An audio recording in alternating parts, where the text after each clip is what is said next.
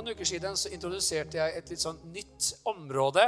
Du vet, Bibelen er helt spesiell fordi den har så mye å si for hvert område av livene våre. Den, den er veldig praktisk, og eh, den har noe å si om, om absolutt alt. For eksempel så har den mye å si om relasjoner, den har mye å si om ekteskap, den har mye å si om det meste, egentlig. Men den har også veldig mye å si om det som har med økonomi å gjøre.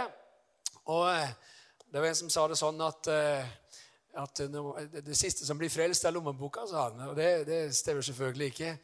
Men vi, eh, vi eh, begynte i apostlenes gjerninger jeg kan godt få enda litt mer her, ja. for noen uker siden og bare gikk inn og sa Hva sier apostlenes gjerninger om penger? Og Nå kan det jo være at du har lest apostlenes gjerninger 100 ganger og ikke tenkt at det står fryktelig mye om penger, men det gjør det.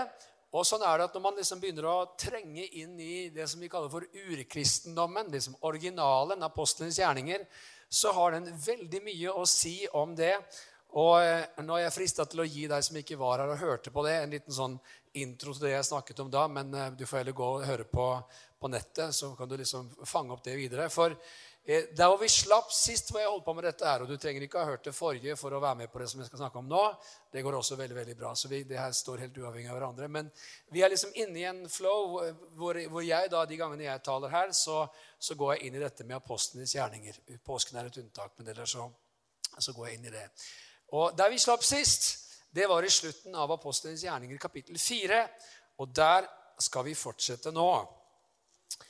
Så eh, det her blir litt spennende, fordi for deg som da ikke fikk med deg det, så, så når vi avsluttet sist, så liksom gikk vi inn i en sånn, sånn litt sånn trommevirvelatmosfære. Det var liksom Ok, her kommer det. Og du som ikke var der, du kommer liksom bare rett inn i et av de apostlenes gjerninger, kanskje et av de mest brutale skriftsteder, som du kanskje har lest noen ganger og tenkt Ok, what's happening? Hvor er vi nå? Hva skjer? Hva er dette? Eh, og det skal vi også lese om nå de neste minuttene her. Apostelens gjerninger 4 og vers 32 så står det hele flokken av dem som var kommet til troen, hadde ett hjerte og én sjel. Ikke en eneste sa at noe av det han eide, var hans eget, men de hadde alt felles. Og Det snakket vi altså litt om sist, den store givergleden og all begeistringen som var rundt det. Så leser vi videre. skal vi se, ikke en eneste sa at det han eide, var hans egen, men de alt felles. Ja, men med stor kraft bar apostlene fram vitnesbyrdet om Herren Jesu oppstandelse, og stor nåde var over dem alle. Heller ikke var det noen blant dem som led nød, for alle som eide jord eller hus, begynte å selge og kom med betalingen for det de hadde solgt, og la det for apostlenes føtter. Enhver fikk så tildelt det han trengte. Josef var en levitt, født på Kypros. Han ble apostlene også kalt Barnabas. Det betyr formaningens sønn. Han eide en åker som han solgte, og han kom med pengene og la dem for apostlenes føtter. Og Så er det et kapittelskifte. Vi går over i kapittel 5. Men eh, du vet, kapitlene de ble satt inn for noen hundre år siden, og det er vi glad for. Det er praktisk, men, men dette er jo i en sammenheng. Det fortsetter videre. Eh, men en mann med navn Ananias og hans kone Safira solgte en eiendom. Han stakk til side noen av pengene, og hans kone visste det. Han kom som en del av summen og la det for apostlenes føtter. Da sa Peter, Ananias, hvorfor har Satan fylt ditt hjerte, så du skulle lyve for Den hellige ånd og stikke unna noe av betalingen for åkeren? Var den ikke din så lenge du hadde den, og når du så hadde solgt den, bestemte du, bestemte du deg ikke selv over pengene, Hvorfor har du satt deg denne gjerning fore i ditt hjerte? Det er ikke for mennesker du har løyet, men for Gud. Men da Ananias hørte disse ord, falt han om og utåndet, og det kom stor frykt over alle som hørte det. Noen unge menn sto opp og svøpte inn den døde. Så bar de ham bort og begravet ham. Det er stor dramatikk her, altså. Hæ? Det er interessant at det er mange bibelske navn som er blitt veldig populære å gi barna sine, men dette er ikke et av de. Du liksom vil sjelden møte lille Ananias eh, rundt hjørnet. Og det fins en grunn til det. Han symboliseres og, og, og med, med, noe som, som, er veldig spesielt. Og du vet Hva er det som skjer her for noe? Jo, vekkelsen kommer. Det er helt voldsomt. Det er, det er en kraft. Det er et liv. Det er en herlighet over menigheten. Det er, det, er, det er, så sterk kraft i Jerusalem at når Peter, apostelen, går på gatene i Jerusalem, bare skyggen på Peter faller på mennesker, så blir de friske. Jeg mener, Det er så stor kraft at når de ber, så skjelver hele huset der de var samlet. Det er så stor kraft at, at når Peter og Johannes er på vei opp mot tempelet for å be, så ser de en tigger, og, han tigger almisser som han alltid har gjort. Og han sier, 'Se på oss. Gull eller sølv det har vi ikke, men det vi har, det gir vi deg.' I Jesu Kristi navn, stå opp og gå. Han spretter opp på sine føtter, er momentant helbredet. Hele Jerusalem er i en eneste stor røre av denne vekkelsen. Og det vi ser er at Tusenvis av mennesker blir frelst. Det er folk over hele Romerriket som har kommet til pinsehøytiden. Eh, de blir innlosjert i alle disse hjemmene som fantes. Det, hvordan skal man takle alt dette? De blir der. De, de, de trenger mat, de trenger tak over hodet. Eh, til slutt så er det sånn at Menigheten de må jo sørge for alle mulige, så de selger det de har, og legger pengene for apostlenes føtter, og de blir i stand til å kunne sørge for alle disse som har blitt frelst, og som har kommet som gjester over hele verden til pinsen. Det er en sånn fantastisk tid. Det er helt voldsomt hva Gud gjør. Og dette er jo menighet nummer én. ikke sant? Dette er Herrens mønsterbilde. Det er tolv apostler. De har gått med Jesus i tre år. De har lært seg hvordan de skal gjøre alt sammen. Og han har overgitt til dem. Han har sagt til Peter at, eh, at det, 'jeg gir deg nå nøklene'. ikke sant? Eh, og, og det, du, det, du, binder, det er bundet, og det du løser, det er løst. Og, og, jeg skal bygge min menighet, og dødsrikets porter skal ikke få makt over den. Og der, på pinsedag, når, når, når ånden kommer, så fødes Guds menighet. Hva er Guds menighet? Ikke bare en organisasjon, ikke et meningsfellesskap, ikke en slags bare ytre struktur. Det er Gud som tar bolig i sitt folk. Det er Den hellige ånd som begynner å bo i mennesker. Hvert menneske blir en bolig for Den hellige ånd, og sammen med alle de troende så blir menigheten det som Efeserbrevet 2 kaller for en bolig for Gud i ånden. Det er altså Guds hus. Det er fantastisk med vakre bygninger. Vi er velsignet med en av de. Men boligen for Gud er fellesskapet av alle de troende. Guds herlighet, Guds kraft, har gjort seg gjeldende og har manifestert seg på en måte som er uhørt i historien. Og så går det i oppfyllelse det som profeten Joel har sagt, at det skal skje i de siste dager. Da vil jeg utgyde min ånd over alt kjøtt. Og, han taler om at Peter sier dette er oppfyllelsen av det. Sønner og døtre skal tale profetiske ord. Det men, før var det bare profeten og kongen og presten som kunne oppleve. Ånden var over dem. Nå kan alle få oppleve. Gud selv er i dem. Og hva er det som skjer her? Jo, midt i denne givergleden, midt i denne fantastiske begeistringen, så er det en mann som heter Josef. Han er født på Kypros. Og han, han, han har en åker. Og han selger den åkeren og han gir den pengene, inntekten, fullt og helt til, til, til menigheten for at menigheten skal disponere det. Og Barnabas han har en spesiell eh, tjeneste. Han er en sånn oppmuntringens sønn. Eh, the son of encouragement. Eh, det ordet der som, som, som heter formaningens sønn, det kan liksom bety både formaning og oppmuntring. egentlig. Så det, det, er, det, det rommer kanskje mer enn det som kommer fram på norsk. Men ja takk til begge deler. Men altså, han er en sånn oppmuntringens sønn. Han har alltid et godt ord. vet du. Han er en sånn varmekanon. ikke sant? Kjenner du noen sånne? Jeg mener, du, du, du kommer inn i rommet som de, og du vet, de har noe godt å si. vet du. De har noen gode ord. Du, du kjenner liksom, du blir varm og, om hjertet bare du tenker på dem. Sånne oppmuntringens gaver, sånne Kjell, Kjell Halltorper. ikke sant? Det er sånne barnabasser med store armer som det er godt å kunne krype under. Så, og Sånn er Barnabas. Og, Det er så spesielt at han til og med får et eget navn av apostlene. Han, altså det er jo ikke så vanlig at man bytter navn, men han får et nytt navn. Du skal hete Barnabas, oppmuntringens sønn, eller formaningens sønn. Så han går liksom ikke lenger under navnet Josef lenger. Han kalles nå for Barnabas.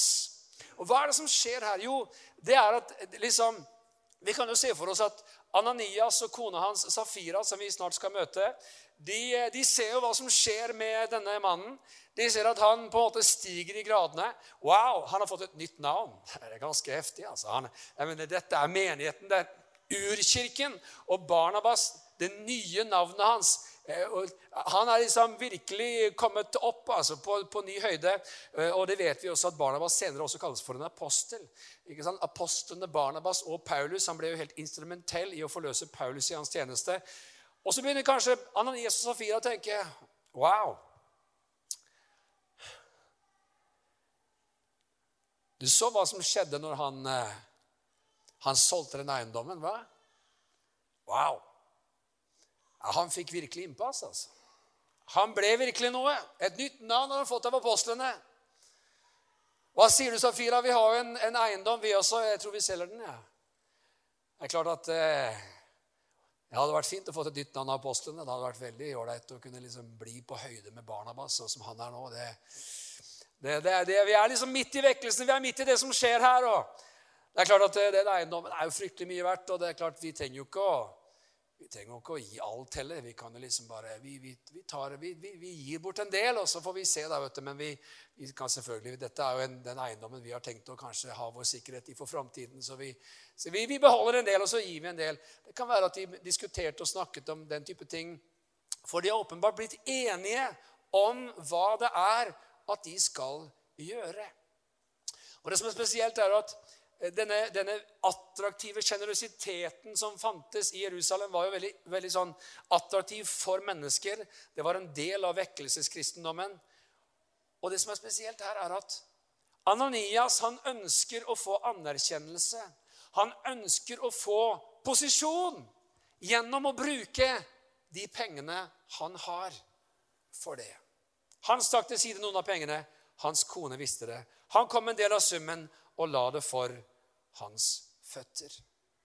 Og hva er det Peter sier? Det er spesielt det her. Fordi det er livsfarlig å bruke penger på å kjøpe seg makt eller posisjon eller innflytelse i Guds rike. For Guds rike er et annet rike som bygger på andre lover. I og for seg livsfarlig i alle sammenhenger, men Guds rike Her skal fundamentet legges for all framtid. Tenk om det skulle bli skeivt fra begynnelsen. Tenk om det skulle komme seg noen inn i urkirken og som da kjøper seg til makt, kjøper seg til innflytelse, kjøper seg til posisjon. Jeg mener, Det er ikke bare livsfarlig for ett menneske. Det er livsfarlig for en hel menighet. Bibelen sier at hvis litt surdeig eh, kommer inn, så, syrer det hele deigen. ikke sant? Dette var farlig for menigheten. Og Det spesielle er at Peter sier, 'Ananias, hvorfor har Satan fylt ditt hjerte?' Kan Satan fylle en troendes hjerte? Interessant tanke. Gi ikke djevelen rom, sier Efeserbrevet. Og så er det sånn at de gir uttrykk for at de har solgt alt. Sant? Vi har gitt alt! Er dette alt? Sier Peter. Ja da, dette er, dette er alt skuespillet. De ønsker å ta seg godt ut. Dommen som kommer, er brutal, og den er alvorlig, og den er umiddelbar. Den Gud som kan vekke opp døde, velger å gjøre det motsatte og statuere et eksempel for alle tider. Første Peter brev sier dommen begynner med Guds hus. Og Peter sier i vers 4 var den ikke din så lenge du hadde den. Og når du så hadde solgt den, bestemte du da ikke selv over pengene. Hvorfor har du satt deg for denne gjerningen i ditt hjerte? Det er ikke for mennesker du har løyet, men for Gud. Spesielt. Spesiell historie. Det blir frykt i hele Jerusalem når de hører det som skjer. Men jeg har lyst til å ta deg på en liten sånn parallell reise til 1. Samuels bok, kapittel 25. I 1. Samuel 25 så leser vi om en eh, da, konge, kong David. Han er ennå ikke blitt, eh, han er blitt salvet til konge, men han er ikke blitt konge fullt ut. Han er tvert imot, han er på, er på rømmen. Og han er ute på markene, og han vokter eh, eiendommen til, eh, til, en mann som kalles for eh, Nabal. Han har en kone som heter Abigail. Og det som er interessant, det er at denne, denne Nabal han forstår ikke hvem det er han har å gjøre med. Dette er jo, Den salvede, David. Og vi vet at Jesus han kalles jo for Davidsønnen. Vi vet at han er utrustet.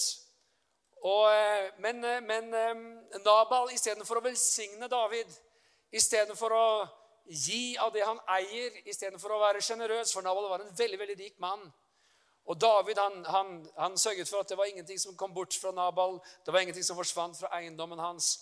Alt ble tatt hånd om etter beste ønske. Og vi vet jo at var det noen som kunne passe på får, så var det David.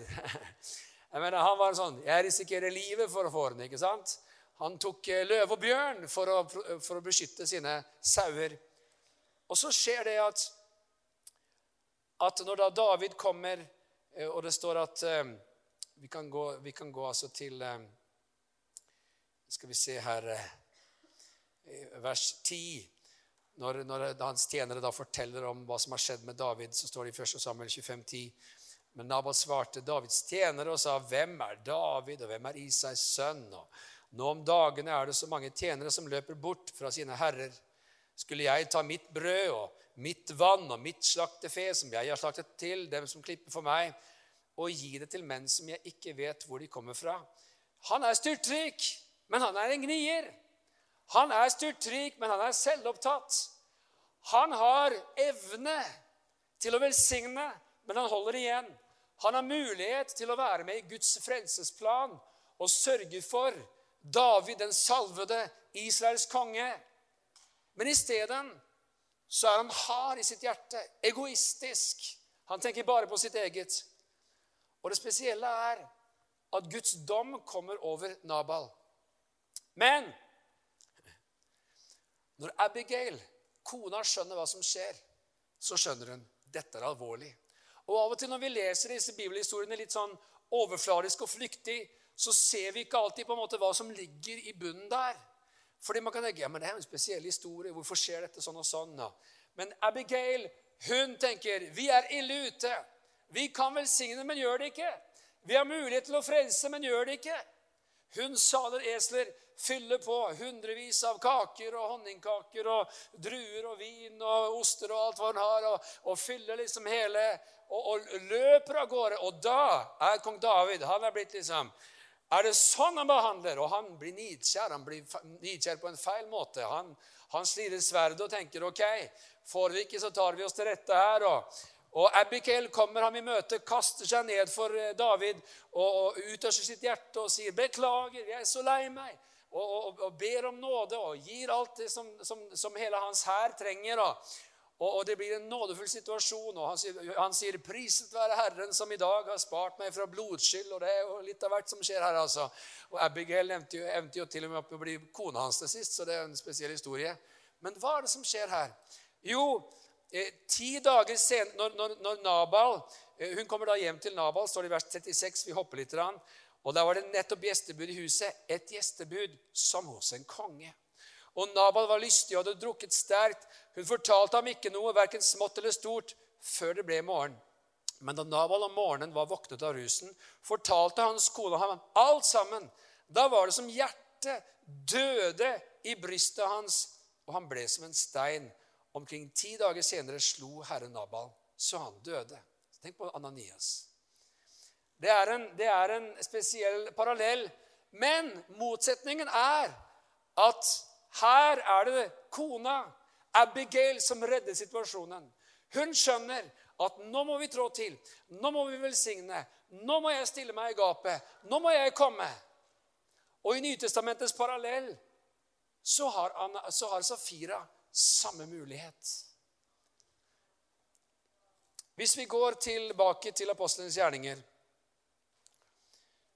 så kan vi lese om dette da i eh, kapittel 5 og vers 8. Vers 7. Omkring tre timer senere kom også hans kone inn. Hun visste ikke noe om det som var skjedd. Peter tok da til orde og sa til henne, 'Si meg, er dette summen dere solgte jordstykket for?' Og hun sa, 'Ja, dette er summen.' Vet, her har hun et valg. Her har hun et valg. Da sa Petter til henne, 'Hvordan kan dere bli enige om å friste Herrens ånd?' Se deres føtter som har begravet din mann, er for døren, og de skal bære deg ut. Straks falt hun ned foran føttene hans og utåndet. Da de unge mennene kom inn, fant de henne død. Og de bar henne ut og begravde henne ved siden av hennes mann. Og stor frykt kom over hele menigheten og alle som hørte.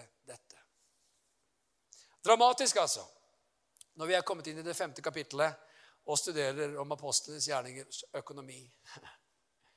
Så er spørsmålet Det her er jo litt sånn ekstremt, hva?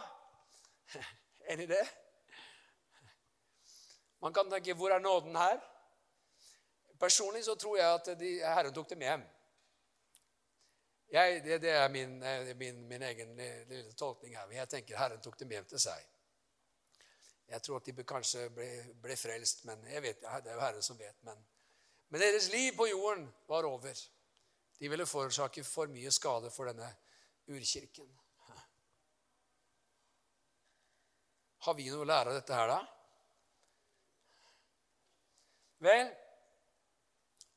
i all sin dramatikk så tror jeg at vi har det. Fordi ønsket om anerkjennelse og posisjon uten å ha hjertet på rett plass er farlig i Guds rike. Og det er ikke uten grunn at Jesus han sier, f.eks. i Matteus 6, at dere skal ta dere i vare i vers 1, så dere ikke tar i deres almisse for øynene på folk, for å bli sett av dem. Da har dere ingen lønn hos deres far i himmelen. Når du gir almisse, eller når du gir gaver, da, så skal du ikke gjøre det kjent med basun, slik hyklerne gjør i synagogene og på gatene, for å bli æret av mennesker. Sannelig, sier dere, de har alt fått sin lønn. Men når du gir almisse, da la ikke din venstre hånd vite hva din høyre gjør, slik at din gave kan være i det skjulte, og din far som ser i det skjulte, skal lønne deg i det åpenbare. Det er sikkert en sånn vandrerhistorie som går om en, sånn, en forsamling hvor det plutselig en søndag ble en sånn voldsom kollekt. vet du, og De telte opp og kom tilbake til pastoren og sa det hadde kommet inn liksom 100 000 i, i sedler da, på den tiden, buntet sammen. og og dette, Menigheten var i krise økonomisk, og dette var jo tidenes bønnesvar. Og, og, så sier de at eh, ja, kjære forsamling, vi har den store glede her å melde at vi har fått inn en anonym gave på 100 000 kroner, og vi er så takknemlige. Og, og så reiser det seg opp en broder og sier ja, jeg tenkte det var best å gjøre det slik, sa han. Så var ikke så anonym lenger da, men eh,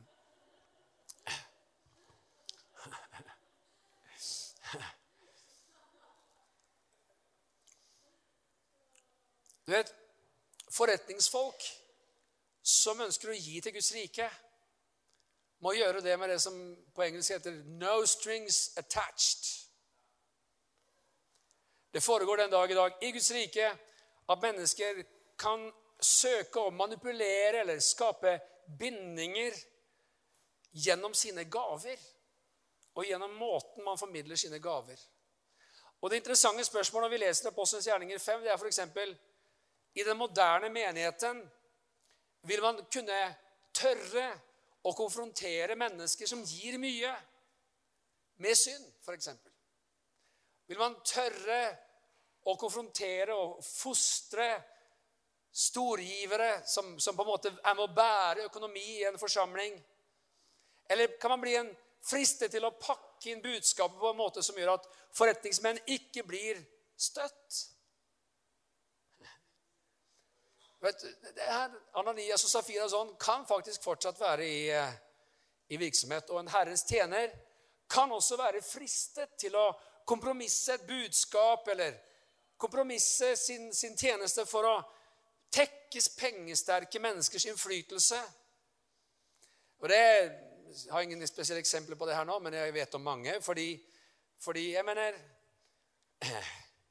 hvis man har, familie, har, noen familier eller noen en givere, givere som, som, gir spesielt mye i en for, spesiell menighet, men som ikke lever etter Guds ord, eller som ikke og som forsøker å på en måte Ja, neimen eh, Det er klart at det er veldig fint å, å få den pastoren der inn, men da blir det nok ikke så mye vi kommer til å gi lenger. Det fins masse av det her. Masse av det her. Når en eller annen en eller annen ting skjer i en menighet som da ikke alle liker eller er begeistret for, så er det en veldig sånn effektiv måte for folk å begynne, begynne å forsøke å styre gjennom pengepungen og bare si Vi trenger ikke å foreta oss noe, vi bare slutter å, slutter å gi. ikke sant? Så, så vet, det her, det her fins. Så det er godt å liksom kunne lære av apostelens gjerninger og tenke at romerbrevet som sier i vers 8 eh, kapittel 12 at den som deler ut gaver, må gjøre det med et redelig sinn. Og Det som også er veldig viktig, det er at Jakobs brev taler om at eh, hvordan man skal på, på, en måte møte i en menighet. Vet, Guds menighet er fantastisk fordi at den er en, en, en uh, guddommelig institusjon som ikke gjør forskjell på folk. Du vet, I samfunnet for øvrig så er det liksom de ulike sjiktene. Det er liksom de velstående, og det er de her, og det er de her, og det er de her. Men du vet, i, i en forsamling så er det helt annerledes. Det er alle, kult, alle kulturer, alle nasjonaliteter, sosial status, alle slags økonomiske eh, altså, bakgrunner.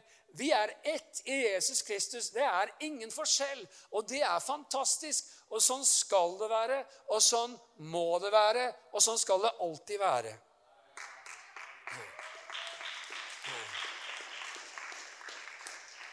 Så det som er interessant er For å kommentere dette det er at Jakobs brev sier i vers 1 i kapittel 2 at mine brødre, dere som tror på Herren Jesus Kristus, herlighetens Herre, må ikke samtidig gjøre forskjell på folk. Sett nå at det kommer inn i en forsamling en mann med gullring på fingeren og i praktfulle klær, siste mote. At det også kommer inn en fattig mann i skitne klær, og så ser dere på han i de praktfulle klærne og sier til ham, du, sett deg her på en god plass. Men til den fattige, du kan stå der, du, eller sett deg her nede, du, ved fotskamlen min. Gjør dere da ikke forskjell blant dere selv? Og så står det, er dere ikke da blitt dommere med onde tanker? Det her er litt interessant fordi alle mennesker fortjener respekt. Alle mennesker fortjener verdighet. 1. Petter 2,17 tror jeg sier Vis alle ære. Men har du lagt merke til at det kan være litt sånn ekstra enkelt å vise litt ekstra ære til de som har mye mellom, mellom hendene?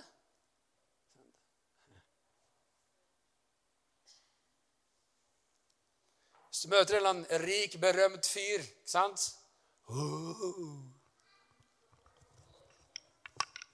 Sant? Så kommer det en eller annen tigger forbi og ja, ja. Sånn, det, det, her det kan ligge nært for oss alle. Sånn. Vi, vi, behandler forskjellig. Men Gud, han elsker ethvert menneske. Hvert menneske så dyrebart så fantastisk, så utrolig herlig formet av Herren selv, skapt i Guds bilde. Ikke sant?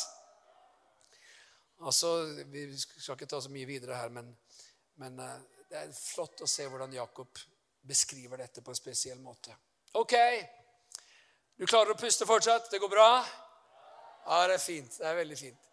Det er forresten veldig interessant. Altså, jeg, jeg, jeg, begynte å studere Lukas' evangelium for mange år siden når det gjaldt dette med penger. og du vet, Jeg opplevde Den hellige ånd talte til meg og sa du skal studere, du skal studere Lukas når det gjelder penger. Og jeg tenkte, Lukas, Sier Lukas så mye med penger? da? Jeg tenkte, jeg har lest Lukas hundrevis av ganger, men, men, eh, hvor mye sier det om penger? Og, og du vet, jeg, det er så spesielt, jeg, jeg, begynte å lese, altså jeg fant penger i alle kapitler bortsett fra to. Så fant jeg en eller annen benevnelse om ting som hadde med økonomi, forvaltning eller penger, verdier å gjøre. Så, men vet, så stoppa jeg der. vet du. Jeg tenkte jo ikke langt nok. Jeg glemte å tenke at, eller, at det var Lukas som jo var forfatter av apostlenes gjerninger. Så, så når lang tid gikk, så, så ble jeg minna på det her igjen og tenkte kjære vene, han skrev en bok til, Lukas. Eh, jeg må studere den også.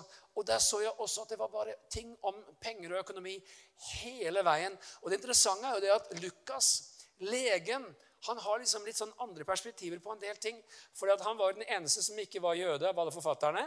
Og han var jo lege, så han liksom hadde en litt annen bakgrunn. Han var fortsatt lege, han fortsatte å være lege, så han skriver også ut fra et sånn yrkesperspektiv. Han, han, skriver mer enn noen annen om økonomi, om penger, om yrker, om hva slags yrker folk har. Og det som er så viktig, det er at, og vi gleder oss til å komme mer inn i det etter hvert også, det er at vet, Penger er ikke ondt. Penger det er nøytralt. Det kan brukes til det gode, det kan brukes til det vonde. Og Gud ønsker at vi skal ha et sunt forhold til dette, og at vi skal ha, være gode forvaltere av alt det som Gud har gitt oss. Ok, vi, vi rekker litt til. Vi tar, vi tar litt i Apostelens gjerninger, kapittel 6 også. Har Apostelens gjerninger 6 noe å si om penger? Ja, det har det. Fordi det vi ser, det er jo at på denne tiden da tallet på disipler stadig økte, leser vi i kapittel 1, 6 vers 1, så begynte de gresktalende jøder mot de hebraisktalende å knurre mot de hebraisktalende. Det er en interessant menighet. Kan vi få litt knurr her? Altså, Det er jo helt utrolig, altså. Hæ? Jeg mener, Kan du tenke deg den vekkelsen? Disiplene, antallet øker, tusenvis blir frelst, gjennombrudd, tegn og under. Og allikevel Fordi de greske De der kommer før i køen enn meg. Oi, oi, oi. Køer, vet du, det er en test for religiøsen. Det er helt klart, altså. Oi, oi, oi, oi, det er helt klart, altså. Så du vet, det, her, er jo, det er veldig menneskelig, da. Det er veldig menneskelig. Midt i herligheten knurr. Ok. Og så, så eh, er det da sånn at uh, disse enkene de skal jo da ha mat. Og det er blitt, det er blitt uh, mange i menigheten. Og uh, disse pengene som er kommet inn av alle, alle givertjenester, er jo da også gått til å, til å, å være med på å, å brødfø de fattige. Og det er heller ingen tvil om at dette er jo en del tror jeg, av også at menigheten vokser. Altså det, er et, det er et sosialt, sosialt, engasjement. Det er, det er, å gi til de fattige. Det er, å, det er, å, formidle Guds kjærlighet. Veldig praktisk. Jeg mener Brød til den sultne. Vi kjenner til Frelsesarmeen. Soap, soup and salvation. Det, det, det, har alltid vært på Guds hjerte. Og, og det skjer også her i den ukristne menigheten. Og, og Peter, når han snakker med Paulus, så, så sier han til, dem, til Peter i til Paulus i Galaterbrevet at det er én ting du skal huske på, det er, det er, de fattige. Det må du alltid huske på. Så, så det, det, er så nært menighetens hjerte. Og apostlenes gjerninger de er nå fullt opptatt av å, å liksom dele ut brød. og og du vet, det, her er midt i vekkelsen, men det knurres, og det klages, og det går ikke raskt nok, og vi er sultne, og vi vil ha mat, og hva skjer, liksom? Krise. Ok. Da kalte de tolv hele disippelskaren sammen. Og dette er blitt tusenvis av mennesker nå. ikke sant? Det er ikke rett at vi forlater Guds ord for å tjene ved bordene. Brødre, vel derfor utblant dere sju menn som har gått vitnesbyrd og er fylt av ånd og visdom. Dem vil vi sette til denne oppgaven. Men vi vil holde ved i bønnen og ordets tjeneste. Det de sa, fikk tilslutning hos hele flokken, og de valgte ut Stefanus, en mann full av tro og Den hellige ånd. Amen og Philip og Prokerus og Nikanor og Timon og Parmenas og Nikolaus, en mann fra Antiokia som var gått over til jødenes tro. Disse menn stilte de fram for apostlene og ba og la hendene på dem. Hva, hva er det disse har fått eh, ansvar for, egentlig? Jo, eh, disse, disse, sju diakonene vi, vi, tenker veldig ofte på dem at dette var de sju første diakonene som på en måte hadde ansvar for brødtellingen, og det var helt riktig. Men de hadde jo også ansvar for økonomi. For dette brødet skulle kjøpes, og brødet skulle handles inn, eller det skulle bakes, eller hva de nå gjorde. Det skulle formidles, det skulle administreres. Og det apostelen sier, at hør nå her Det kan jo ikke være riktig at vi skal holde på med alt dette greiene her. Det kan jo ikke være riktig at vi skal føre regnskapet. Det kan ikke være riktig at vi skal sitte på kontoret og, og, liksom holde på med å telle kollektene og liksom Ok, Peter, din tur i dag til å, til å handle brød, liksom. Å nei, i dag også. Jeg, jeg har jo et kjempebibelstudium. liksom. Vi har jo daglig, har jo daglig bibelstudium nede på Tempelplassen. Og jeg har jo masse å forberede. Jeg, trenger jo, jeg, skal jo liksom, jeg skal jo forberede et skikkelig bibelstudium om Jesus i Jesaja, og det blir jo, det blir jo skikkelig bra. Ja, men du, Johannes, Johannes tok det i går, så det er din tur i dag, Peter. Sånn får det bare bli, liksom. Åh, hvor er Jesus? liksom, Brødunderne. Hvor er de? Kom igjen, Jesus. Jeg, mener, jeg vet ikke hvordan de snakket sammen, men liksom, det, det, det, var, det begynte å bli litt sånn surt. Ikke sant? Og Det interessante det er at eh, på en måte så er det intet nytt under solen. Jeg tror at det ofte er sånn også i menigheter i vår tid at eh, pastorer og ledere og predikanter de holder på med 1000 ting de egentlig ikke skulle. Eh, de skulle bruke mer tid i bønn, skulle, for da blir de mer brennende. Vi skulle bruke, bruke mer tid i ordet, for da har de mer å gi. Og ikke, ikke, bare ordet til menigheten, men ordet ut. Ordet forkynnes. Eh, evangelists gjerning osv. Eh, men så blir man liksom blir det, I den moderne versjonen blir det eh, SMS-enes og e-mailens tjeneste. Det er ikke rett, det vi holder på med, sier de. Det her er feil. Og så er det interessant at det de da gjør, det er at de velger ikke liksom bare ut sju tallknusere liksom, eller sju fantastiske organisatorer. Nei, de sier det må være menn fulle av Den hellige ånd og tro. Og hvorfor det, da? Jo, du skjønner, i Guds rike så går det praktiske og det åndelige det går hånd i hånd. Det Du kan egentlig ikke skille det på den måten. Det, er, det åndelige er praktisk, og det praktiske er åndelig. Og, og, Skal du jobbe med administrativ tjeneste, så må du være full av tro. Og Det trenger du i en menighet. altså. Du trenger å være full av tro og full av Den hellige ånd. Eh, og Skulle du være her i dag, da kommer liksom ettermøte midt inni her, da, eh, som har administrative gaver og ikke har noe å holde på med, så kan vi love deg at du kan komme raskt inn i tjeneste. Ta kontakt med oss. Her skjer det så mye om dagen, så vi trenger bare alt som fins. Altså. Så det er intet nytt under solen, som sagt. Så og det som er interessant, det er at det som skjer når dette kommer på plass, det er det som står i vers 7 i kapittel 6. Og Guds ord hadde framgang. Tallet på disipler økte sterkt, og en stor flokk av prestene ble lydige mot troen. Og Stefanus, han som var både eh, brødutdeler og organisator, han var full av nåde og kraft. Og på fritiden så gjorde han store under og tegn blant folket. Herlig, altså. Så det var, vet, det var, skikkelig nådefullt, det her, å få komme inn i tjeneste. Så man trenger ikke liksom Er ikke det rart med hvordan vi lager, setter oss selv og andre i bokser? Ja, sånn er du, liksom. Ja, du er sånn, du. Nei, hvorfor er du det? Vet, av og til så skal man ta sånne tester for å havne inn i en sånn kategori at sånn er du.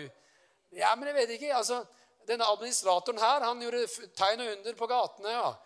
En, ble, ble en mektig Herrens tjener. Og Philip som også var en av disse sju, han møter vi et par kapitler senere som evangelist i Samaria. De gjennombruddet. Liksom Simon Trollmann blir frelst, og folk, blir, eh, folk får ta imot, eh, det, ta imot Den hellige ånds kraft og blir døpt. og Det er et voldsomt liv og leven. Det blir stor glede i byen når evangelisten Philip kommer til byen. Så, så hør nå her. Det å tjene praktisk er en glede. En stor, stor, stor glede. Og Av og til så er det sånn at man i, i kristen sammenheng så ser man liksom det man ser på plattformen. ikke sant? Det er, Man ser lovsangere, man ser musikere, man ser predikanter, og takk Gud for det. Vi er veldig glad for dem, og dere gjorde en herlig innsats i dag. Takk skal dere ha. Men du vet, mange av disse som er helt usynlige, og som gjør en tjeneste i det skjulte, på så mange plan, er bare det aller, aller nødvendigste for at Guds rike skal gå fram i, i, vår, i vår tid. Amen.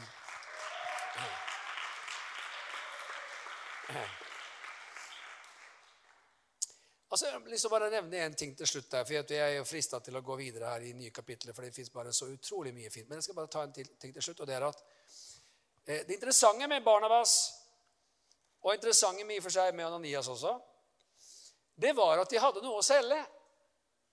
Det var at de hadde noe å gi. Altså, Det sier også noe om disse. At de hadde penger til å gjøre det de skulle. De hadde penger til å gi til de fattige, de hadde penger til menigheten. Fordi de hadde noe å gi. De hadde noe å selge. Og Guds rike trenger dette. Guds rike trenger entreprenører. Guds rike trenger eiendomsinvestorer. Guds rike trenger mennesker som har gaver til å forvalte penger og skape penger, skape arbeidsplasser. Det er ikke ukristelig. Det er veldig kristent å holde på med sånt. Amen. Men bare tenk på det at Gud, han som er skaper av alle ting, han bor i deg. Vet du, Gud kan gi én idé til et menneske. Én idé til et menneske som kan snu et helt område opp ned. Fordi man får en idé, man får en tanke. Og du vet, Det var en gammel 70-tallsartist som het Larry Norman, som kanskje noen har hørt om her. En sånn legende som, som sang 'Why should the devil have all the good music?' Og Av og til kan man tenke hvorfor skal det være sånn at alle gode forretningsideer kommer fra alle mulige andre? Eh, hvorfor skulle ikke Guds rike være et sånt arnested? Et sånt mingleplass, altså yngleplass for ideer? Hvor liksom det bare, det bare kokte med ideer, løsninger. Så kan man tenke ja, men forretningsmenn, altså, hva, hva kan det altså, Og så kan man tenke så smalt, men, men, men Gud kan gi lærere revolusjonerende ideer om måter å fornye eh, undervisning på. ikke sant? Måten å undervise annerledes på. eh, og som igjen kan bli til verdier, fordi det blir, det blir lærebøker eller det blir konsepter som kan selges. You have no idea. Det Den hellige ånd kan gjøre gjennom deg i ditt yrke, i, i din situasjon, det er jo endeløst. Er ikke det herlig? Amen. Det er så rikt, altså. Så du vet, denne, denne Josef, denne Barnabas, han, han skjønte en ting. Ok, nå er jeg midt i vekkelsen. Vekkelsen trenger meg. Og du vet På et tidspunkt så er vi alle sammen Så, så synger vi med englene. Har du tenkt på det? Jeg laget en sang akkurat nylig som, som het noe om det. Soon I'll be singing with the angels. And I hope I'll be singing with you. Så du vet Sånn er det. Om noen tiår så synger vi med englene. Og da er det herlig å kunne vite at om jeg fikk meg noen eiendommer skal man, liksom, skal man ikke ha hus lenger? De, de, solgte hus, står det. Jo, de hadde jo man leser masse hus i Idre Apostelens gjerninger. Og det tok vi forrige gang. at Det var ikke sånn at man liksom, alle solgte alt de eide, og ingen hadde noe mer. Nei, for de, de hadde eiendommer, de hadde hus, de hadde forskjellige ting. Men de brukte det for noe som var høyt. De brukte det for noe som var verdifullt. Og jeg tror at i Guds rike så er det ikke enten eller. Jeg tror at Gud vil velsigne deg. Han vil at du skal ha det godt. Han vil at du skal ha rikelig, slik at du og jeg kan få lov til å være til rik velsignelse. Amen. Amen. Det tror vi på.